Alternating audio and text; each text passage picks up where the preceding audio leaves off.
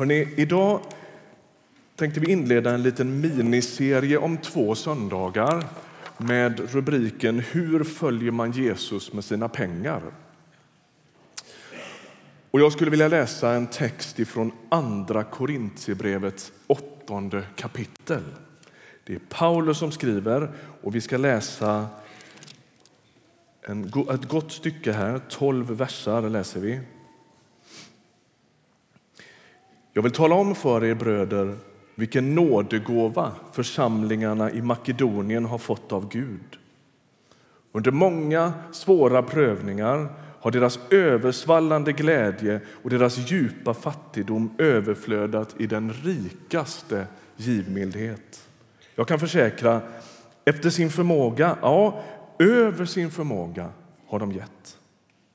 De kom självmant till mig och tiggde och bad om att få vara med och hjälpa de heliga. Och de gav inte bara det jag hade hoppats. Efter Guds vilja gav de först och främst sig själva åt Herren och åt mig.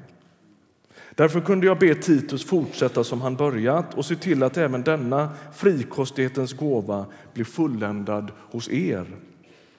Ni som har allt i överflöd, tro, tal, kunskap, hängivenhet och den kärlek som jag har uppväckt hos er. Se till att ni också ger överflödande prov på denna nådegåva. Det här är ingen befallning, men jag vill pröva äktheten i er kärlek genom att ställa den mot andras hängivenhet. Ni känner vår Herre Jesu Kristi stora gåva. Han som var rik blev fattig för er skull för att ni skulle bli rika genom hans fattigdom. Det är ett råd jag ger er och det kan ni ha nytta av, ni som i fjol påbörjade arbetet och det med god vilja. Fullfölj nu arbetet så att resultatet svarar mot den goda viljan, allt efter er förmåga. Har någon bara den goda viljan så är han välkommen med vad han har och bedöms inte efter vad han inte har. Vi stannar där. Bakgrunden är den här. Paulus, en av portalfigurerna i, i, i urkyrkan, han skriver brev som han brukar. 13 texter i Nya testamentet bär Paulus signatur. Och han skriver till Korint, till den kristna kyrkan i Korint. Och grejen är att han i, i första brevet, det finns första Korintbrevet och andra Korintbrevet. och det första brevet, där har han initierat en insamling. Det är så att de kristna i Jerusalem har det svårt och behöver stöd. Och så berättar han för dem här att de, den kristna kyrkan i Makedonien, alltså i norra Grekland, Thessaloniki och Filippi med flera städer där, har visat en enorm generositet. Och så utmanar han de kristna i Korintområdet i den här provinsen som kallas för Akaja att följa efter. De kristna i Jerusalem, bara för att fatta hur det här hänger ihop, de är ju, det är ju liksom urförsamlingen. Det är ju där pingstdagen äger rum, när anden faller och församlingen föds. Och de är primärt judekristna, alltså det är judar som har börjat tro på Jesus som Messias. På de här andra platserna där är det hedna kristna, alltså människor som förut har tillbett romerska avgudar och liksom inte haft någon koll på Gamla testamentets Gud som plötsligt, eller plötsligt, men ja, hyfsat plötsligt börjar tro på Jesus. De möter honom, sätter tro till honom, låter döpa sig, som vi såg här. Och så finns det en församling i Thessaloniki, och i, i Korint och i Filippi och så vidare. I Romarbrevet i slutet så säger Paulus så här till, till romarna. Be till Gud för mig så att den hjälp jag har med mig till Jerusalem blir väl mottagen av de heliga. Det verkar när man läser Paulus texter att han, han är lite klurig på om det här kommer att gå hem eller inte.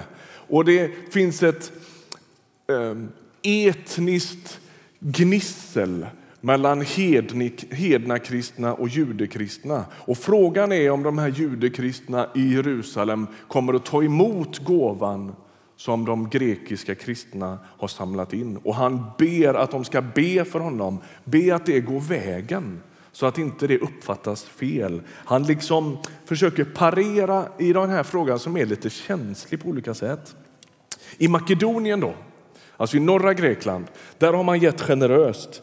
Och de människorna, precis som de flesta i urkyrkan, är enkla och fattiga människor. Och så beskriver Paulus hur Guds nåd verkar en sån generositet i deras liv. Det är intressant hur han inleder den här texten och säger jag vill tala om för er bröder vilken nådegåva församlingarna i Makedonien har fått av Gud. Vad är det för nådegåva? Nådegåvan att vara generös. Det är som att Guds nåd har verkat till de här nykristna människorna så att de faktiskt ger mer än någon hade kunnat drömma om, för de har inte särskilt mycket. I Korint där känner man stolthet över sina nådegåvor, sin kraft, att man profeterar och talar i tungor och ber för sjuka och grejer. Och, och, och Paulus han utmanar dem lite och säger Tänk om den nåd som gör att ni vittnar och talar i tungor och profeterar och ber för sjuka också skulle krypa ner i era plånböcker. Vad skulle kunna hända då? Det finns en märklig vers här i inledningen av den här texten och det är vers 2 där det beskrivs om de här, de här kristna som då är liksom exemplet som Paulus lyfter fram för att följa. Och så säger han under många svåra prövningar har deras översvallande glädje och deras djupa fattigdom överflödat i den rikaste givmildhet. Låt oss, låt oss tänka oss en matematisk ekvation. Jag trodde aldrig jag skulle stå här och säga det. Som ser ut så här. De har svåra prövningar, de har djup fattigdom och så finns det en okänd faktor som renderar i den rikaste givmildhet. Alltså, de har inte särskilt mycket. Det är en förföljd kyrka. När Paulus har varit där och predikat och grundat församlingen i Thessaloniki så tar det tre veckor innan han får lägga benen på ryggen för att det är sånt tryck och sånt, eh, såna risker i Thessaloniki att bli kristen. Alltså, de lever svettigt och så har de dessutom en djup fattigdom. De är slavar, många av de här människorna. Ni vet texten i Nya testamentet i Apostlagärningarna där Paulus predikar en hel natt. När ni tycker vi predikar länge så vill jag att ni på, tänk på det.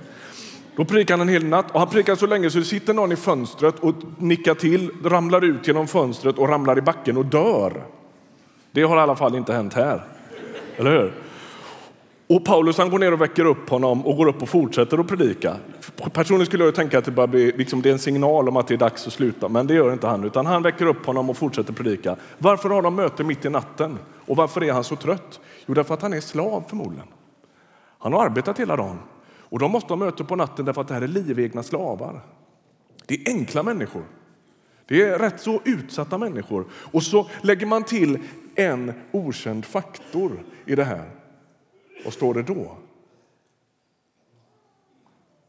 Vi klickar på den, tänkte jag mig. Översvallande glädje. Alltså, precis som Marika var inne på alldeles nyss med, med Liams peng.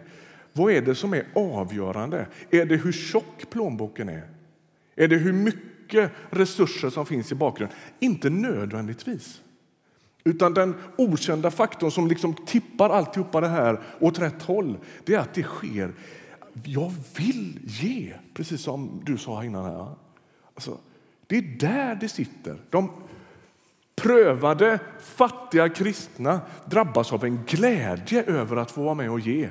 Och då blir det den rikaste givmildhet. Är ni med på paradoxen i det? De är enkla människor, men de ger ändå. Jag tänker så här. Givande bottnar i flera områden samtidigt. Vi ska jobba med det de här två söndagarna. Det ena är att kristna ger för att vara med och förvandla världen. Vi kommer till det strax. Det andra är att kristna ger för att följa Jesus med sin plånbok. Och det tredje, det och det tar vi inte idag, det är att kristna ger för att hålla girighetens demon i schack. Det ska vi prata lite om nästa vecka. Idag hinner vi nämna två av de här drivkrafterna. Den första, kristna ger för att vara med och förvandla världen. Vad är det som händer när den här lilla gruppen kristna i Makedonien plötsligt grips av en sån översvallande glädje. Jag tror att det dels är ett, en, en sorts erfarenhet av Guds nåd. Tänk vad Jesus har gjort i mitt liv. Tänk om det kunde få hända också för andra. Men det är också en sorts man lever i en liten, ganska sluten... De här är inte världsvana, de har inte rest på romerska vägar, de här slavarna. Möjligen när de blev slavar. Men de, alltså, deras liv är ganska litet. Och vad är det som händer när de börjar ge till Guds verk? Jo, deras liv vidgas. Plötsligt är de ju med och sätter avtryck i världen. Dessa enkla analfabeter som har börjat tro på Jesus sätter ju avtryck i hela den romerska världen genom sina stålar. Och alltså, Vilka perspektiv som öppnas i det. Vi i Ryttargårdskyrkan vi brukar påminna varandra om att vi vill vara en öppen och generös gemenskap där allt fler möter, följer och formas av Jesus. Det är vad vi finns till för. Och Det är därför det här hände för en stund sedan. För att allt fler ska vara med om det. För att vi önskar vara en öppen och generös gemenskap dit man kommer med sina frågor, med sin, sitt hela liv så som livet ser ut med tro och tvivel, och glädje och sorg och stapplighet och styrka och erfarenheter och allt det som är ens liv. Och så möter man Jesus och börjar formas av honom och börjar följa honom. Det är vad det går ut på att vara med här. Och jag tänker, det är det vi måste se att vi är med och ger till. Vi ger inte när vi tar en kollekt här och gör en insamling eller när du sätter in pengar på girot eller ute vid kollektomaten och om några söndagar swishar din, din gåva. Vi håller på att dribbla lite med det. Det kommer. Du som inte förstod vad jag sa nu, glöm det bara. Det, det, det går fortfarande att ge cash. Så måste vi förstå vad det handlar om. Det handlar om att sätta avtryck i världen.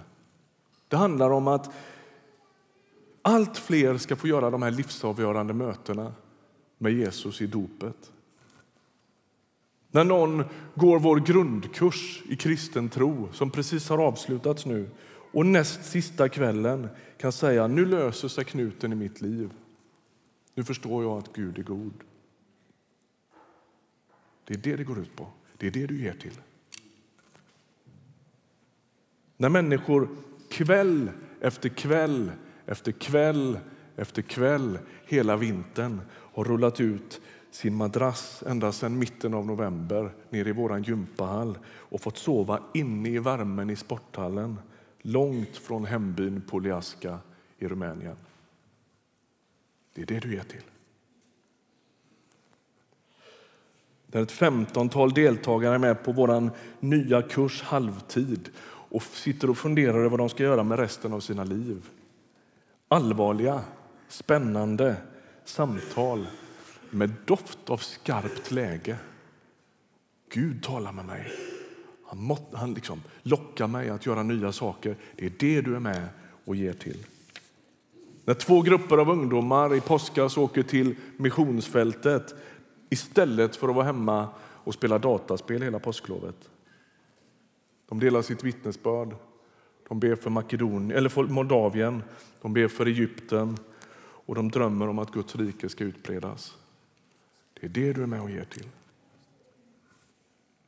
När alla dessa barn samlas på löfteslandet, scouterna, barnkören, dopskola.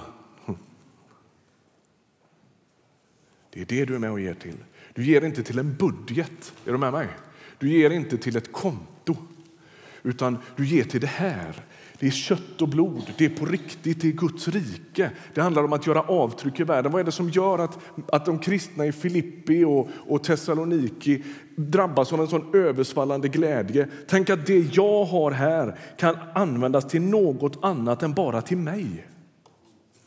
Tänk att det kan göra, sätta avtryck i hela världen. Mina böner och mina stålar förvandlar andra människors villkor. Det är det man ger till. Och jag tänker ofta en kyrka påverkar långt utanför sina synliga kretsar.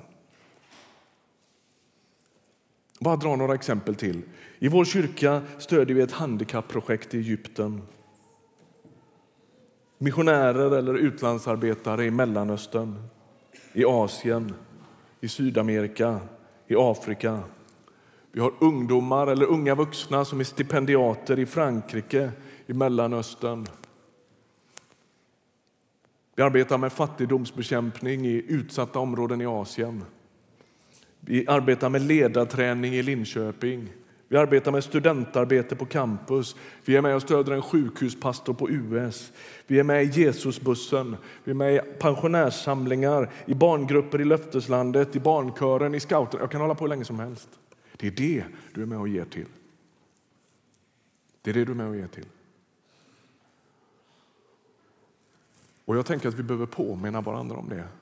Därför att ibland blir det liksom lite, lite trångt. Man sitter och funderar och aha, nu ska de hålla kollekttal igen. Ja, det gör vi. Och vi gör det frimodigt därför att det går inte. Alltså, det är inte för vår skull vi håller på med detta. Det är för borrprojekt, handikappprojekt, nya ledare, dopskola. Det är det det går ut på. Vi ger oss till drömmen om att allt fler människor ska möta Jesus, följa Jesus, formas av Jesus. Det är vad vi ger oss till.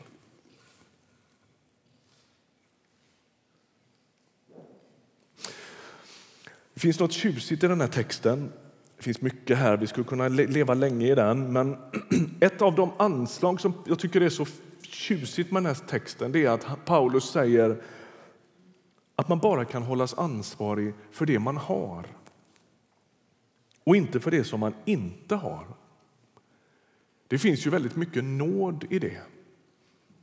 Du som sitter i bänken här och tänker ja, jag har mitt studiebidrag eller jag har min pension eller jag har min arbetslöshetskassa och det är precis så det skriker att det ska hålla. Då vill jag som din pastor säga känn glädje i det du kan bidra med. Och försök överlämna liksom resten, det där som du inte kan. Man kan bara ta ansvar för det man har. Det finns mycket nåd i det och jag hoppas att du hör mig säga det. Sen tänker jag så här, vi människor vi funderar ofta hur det kunde ha varit. Tänk om jag hade massor. Jag tror att alla här inne har suttit hemma vid något fikabord någon gång och pratat med varandra och sagt vad skulle du göra om du vann 10 miljoner på Triss? Erkänn. Visst har ni det? Ja, det har alla gjort. Och, jag går runt med en trisslott i plånboken just nu och tänker det är bra att den ligger där och man liksom kan känna att man vet aldrig. Så får vi se. Ehm, och, och, jag fattar den grejen. Och samtidigt så finns det en risk med att hela tiden tänka om jag hade oändligt med resurser, då skulle jag bli generös. Till sist kan man bara gräva där man står. Och till sist kan man bara göra något med det man har och inte med det man inte har. Därför skulle jag vilja uppmuntra dig. Det finns nåd i den texten och i det uttrycket. Och låt oss inte bedra oss själva. Gud jobbar alltid med det vi har. Och du som lever på marginalen, hoppas du hör mig. Kom med det du har möjlighet att komma med och gläds över det. Men det här resonemanget är också rätt uppfordrande, eller hur?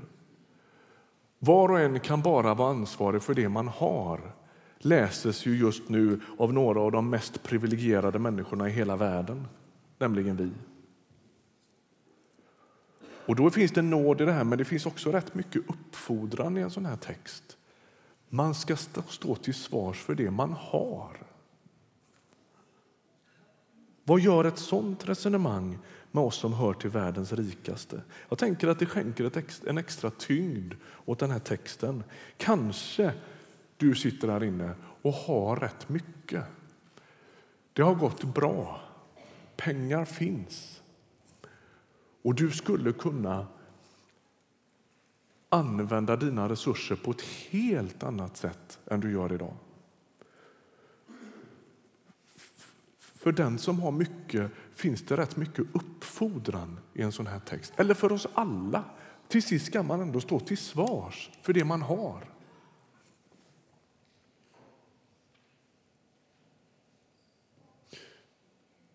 Alltså, kristna ger för att vara med och förvandla världen. Jag hoppas att du är med på det. När vi gör våra kollektinsamlingar här så är det för att vi tror av hela vårt hjärta att dina och mina pengar kan förändra villkor. Nästan en, en, och, en och en halv miljon kronor om året går till vårt internationella arbete. När jag pratar med kollegor som är pastorer runt om i, i, i, liksom, i Sverige och i Skandinavien så, så, så höjer de lite på ögonbrynen. Vi, vi, vi, har, vi har vårdat det. Det finns ett rikt arv i det. Jag skulle tänka, tänk om vi kunde öka ännu mer. Eller hur? Vi är tacksamma, men vi är inte nöjda.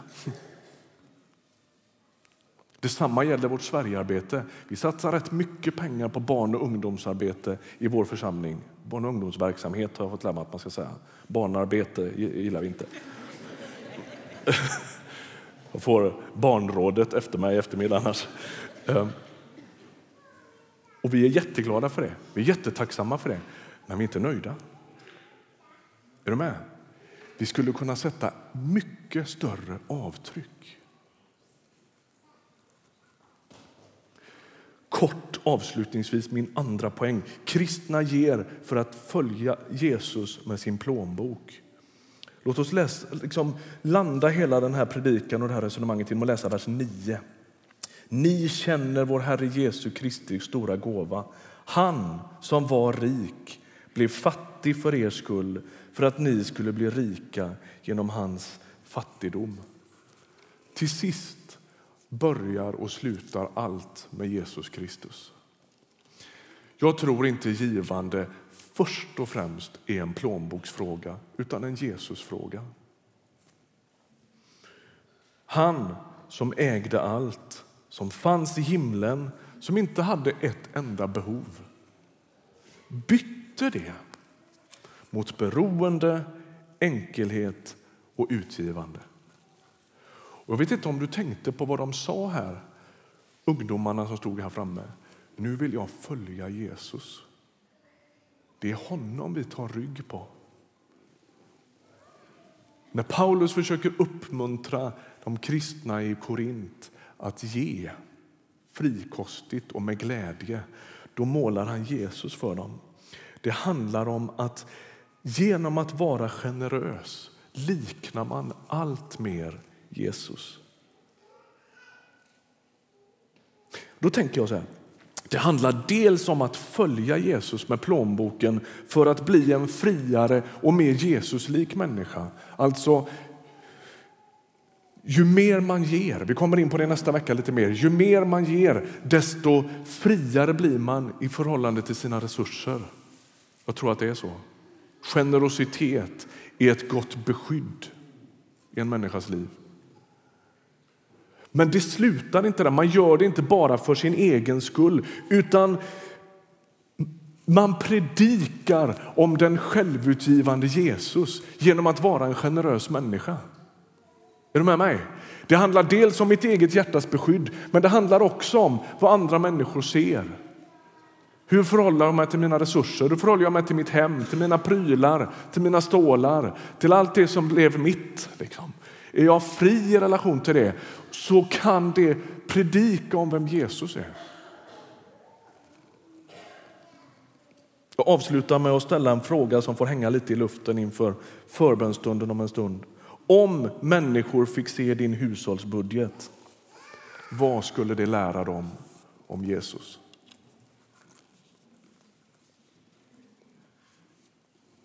För Jag tror nämligen att det är det Paulus far efter. Tänk lite på Jesus, på hur han gjorde. Och låt det livet som är ett nedstigande liv, ett utgivande liv, ett generöst liv, ett fritt liv, inte ett ängsligt, fasthållande liv. Låt det prägla också din hushållsekonomi så kommer den att kunna vittna om vem han är.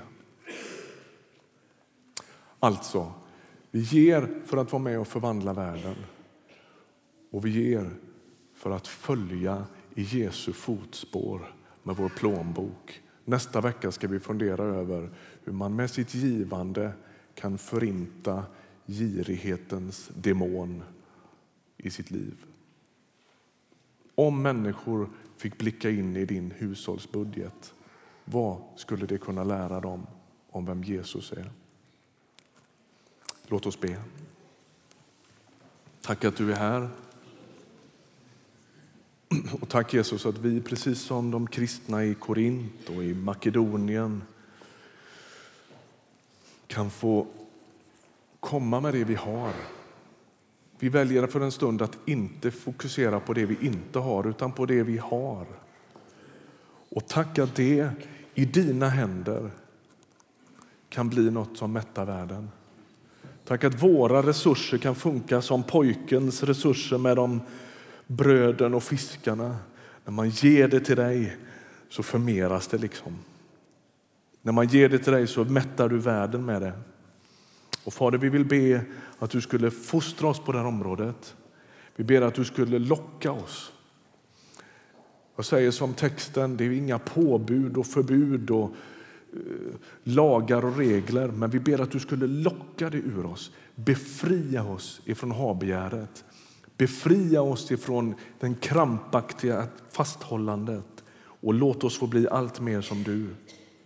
Tack för allt kristenheten över världen får göra med de här resurserna. Tack för varenda missionsstation, tack för varenda sjukhus som har byggts, tack för varenda skola som har byggts, tack för varenda bibelöversättning, varenda söndagsskola, för allt det som har hänt runt om i världen för att människor har ställt sina resurser till ditt förfogande.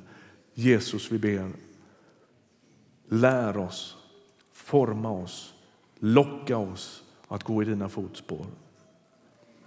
Amen.